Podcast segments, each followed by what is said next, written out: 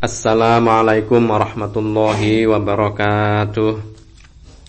Alhamdulillahilladzi salaka bi ahbabihi nahjas siratil mustaqim wahtassa bil inayati man ata ila babihi biqalbin salim. Amatallahu quluban bil ma'asi wa ahya quluban bit ta'ati. Fasubhana man yuhyil idhama wa yaramim وأشهد أن لا إله إلا الله وحده لا شريك له شهادة من به يتوله وفيه يهيم. وأشهد أن سيدنا محمدا عبده ورسوله النبي الكريم صلى الله عليه وعلى آله وأصحابه ما طار طائر وهب نسيم. آمين. الحديث As-sabi asyar ku hadis kang kaping pitulas. Hadis yang ke-17 An Abi Ya'la Syadad bin Aus. Dan riwayataken saking Abu Ya'la.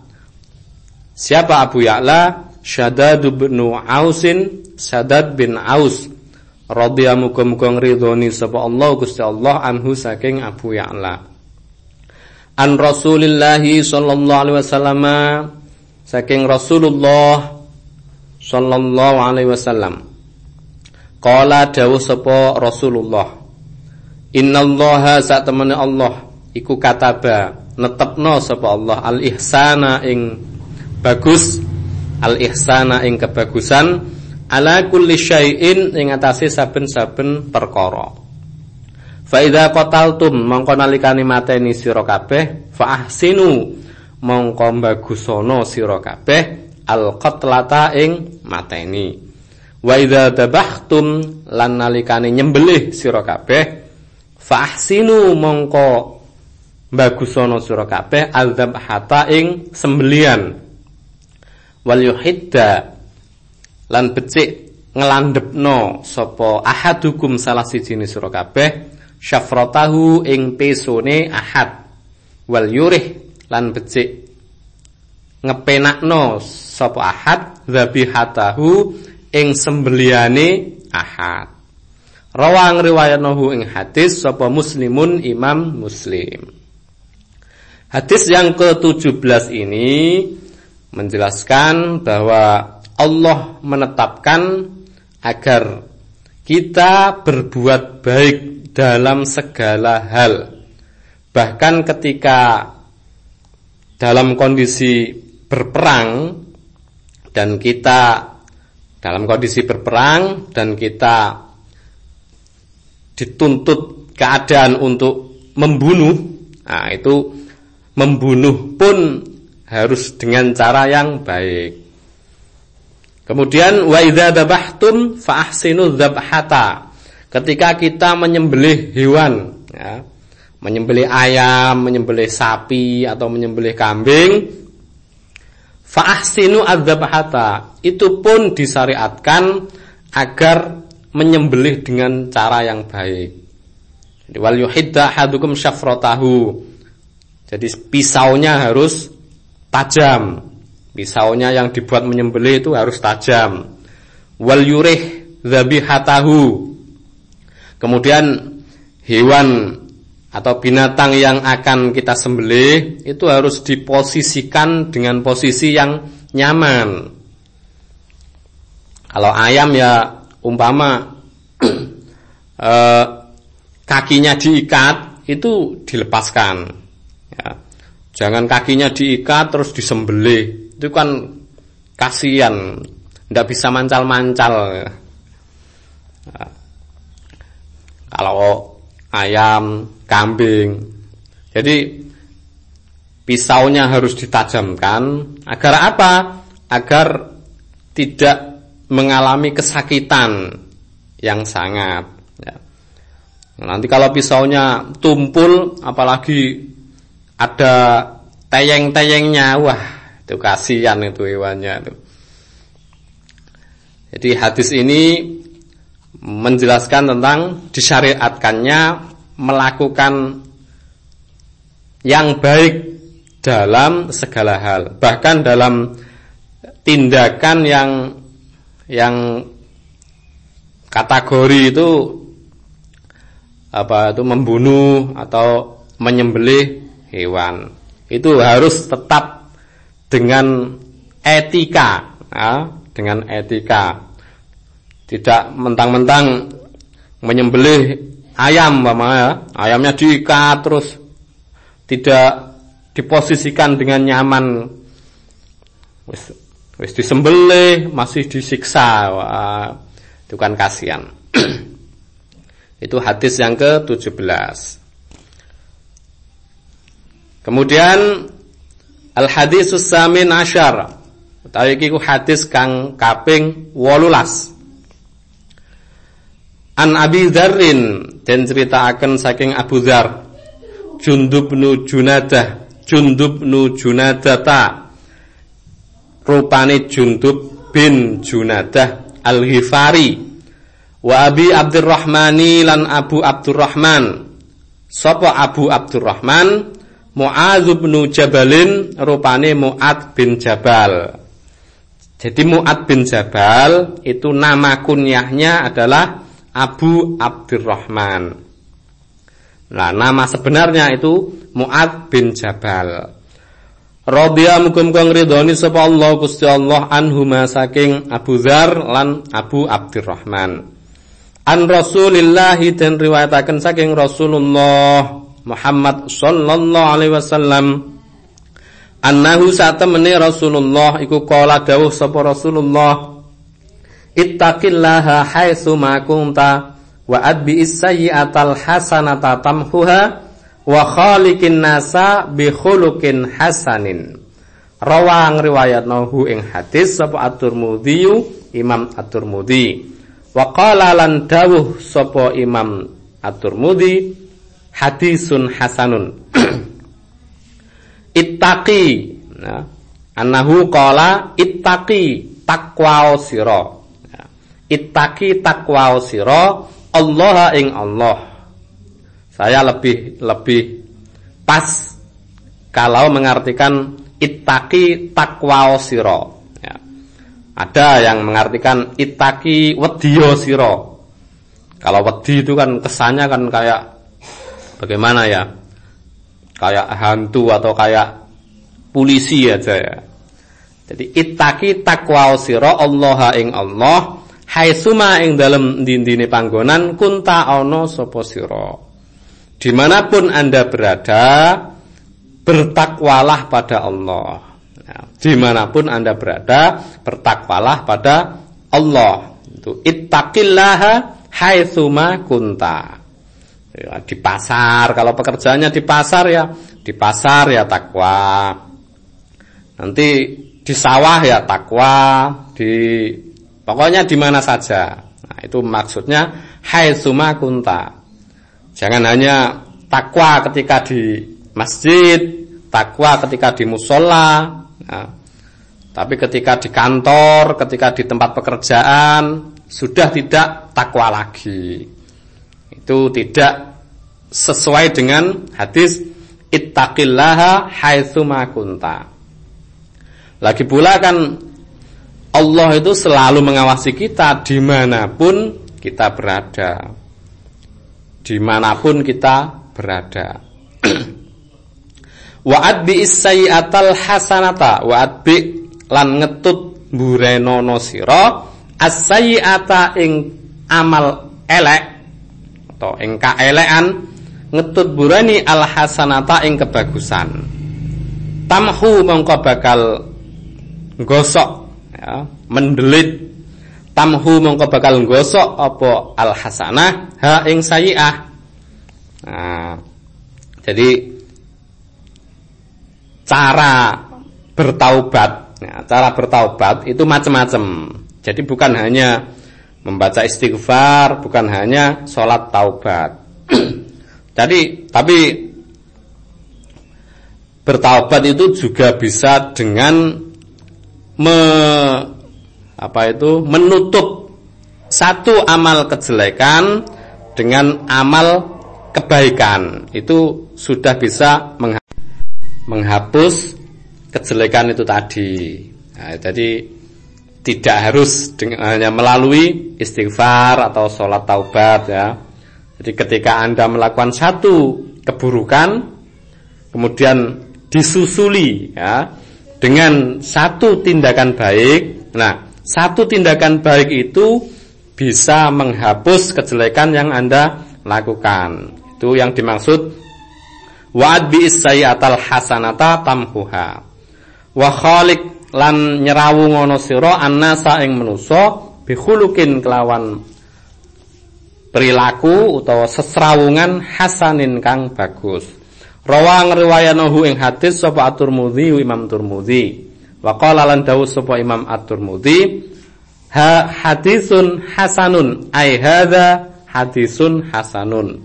Utawi iki iku hadis iku hadisun hadis hasanun hasan.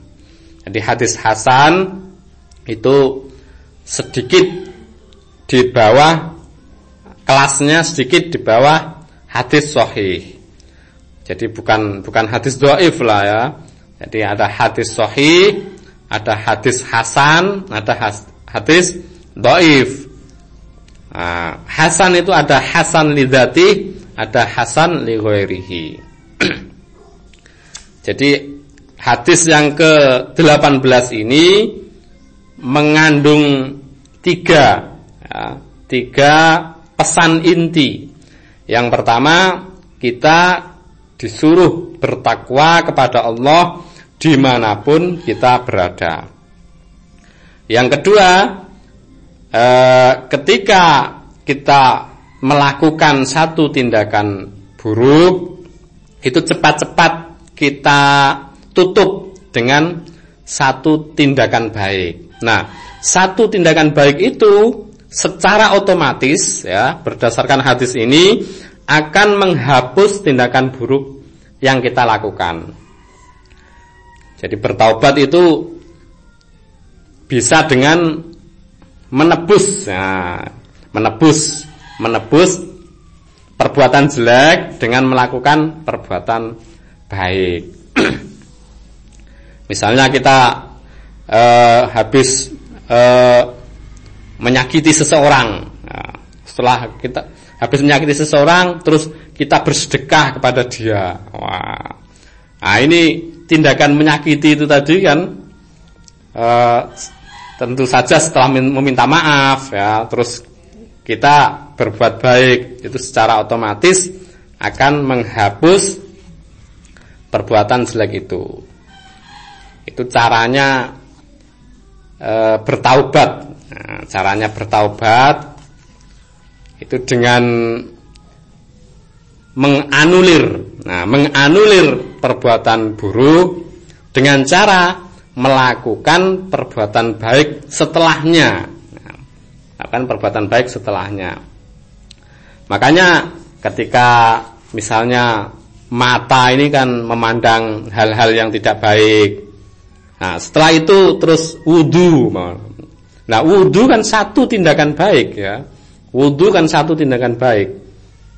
Maka secara otomatis wudhu ini juga bisa meruntuhkan, nah, meruntuhkan gugurno dosa-dosa, ya dosa-dosa kecil tapi ya, dosa-dosa misalnya mata habis melihat apa auratnya orang lain atau apalah gitu ya.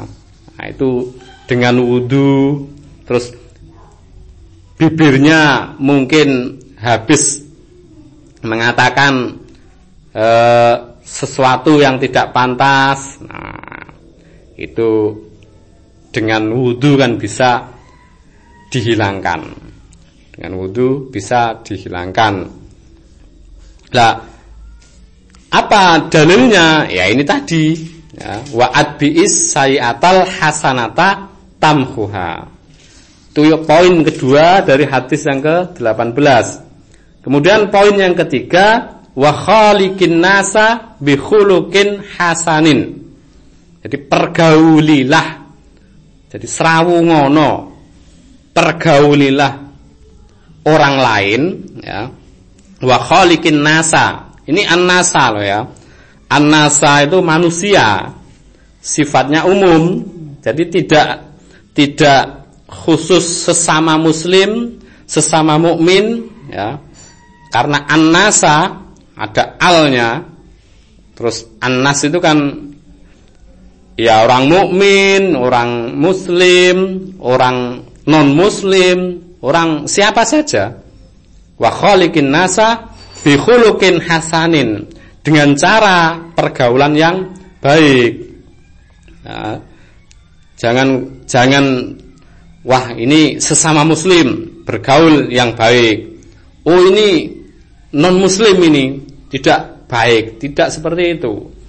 Jadi kata anas itu kan mencakup pokoknya semua manusia dalam semua strata sosialnya, dalam semua agama yang mereka perlu. Nah, ini panduan bahwa untuk bergaul dengan orang lain yang asalnya dari mana pun, etnis apa pun, warga negara mana pun dengan cara bihulukin hasanin, bihulukin hasanin. Jadi pijakannya jelas ya. Pijakannya jelas. Kenapa Anda bergaul secara baik dengan seseorang ya. Padahal dia non muslim seumpama. Nah, pijakannya jelas. Karena Rasulullah memerintahkan seperti itu, gitu. Jadi bukan karena satu tujuan sosial tertentu atau satu aturan sosial.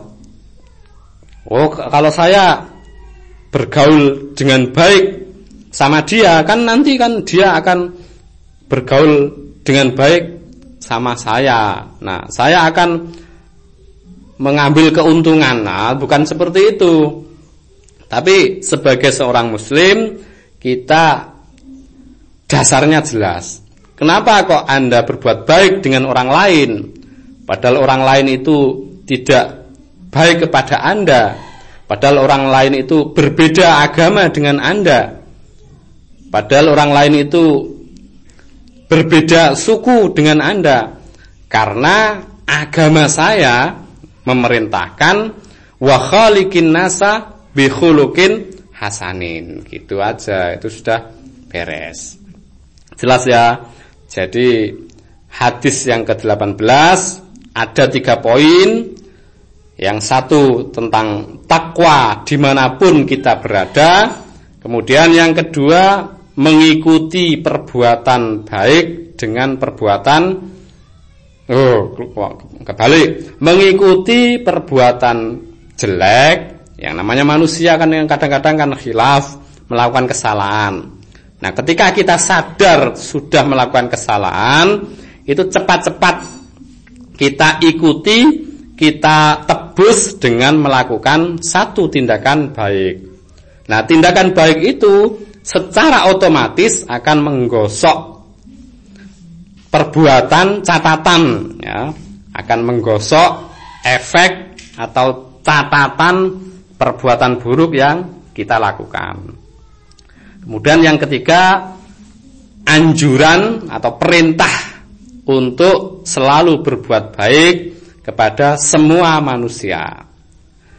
Kalau tahu mereka itu tidak sama dengan kita dalam agama, dalam keyakinan, dalam pilihan atau apalah. Setidaknya kita pandang mereka sebagai manusia. Nah, sebagai manusia, sesama manusia. Meskipun beda kepentingan, tidak masalah. Itu maksudnya wa khaliqin nasa bi hasanin.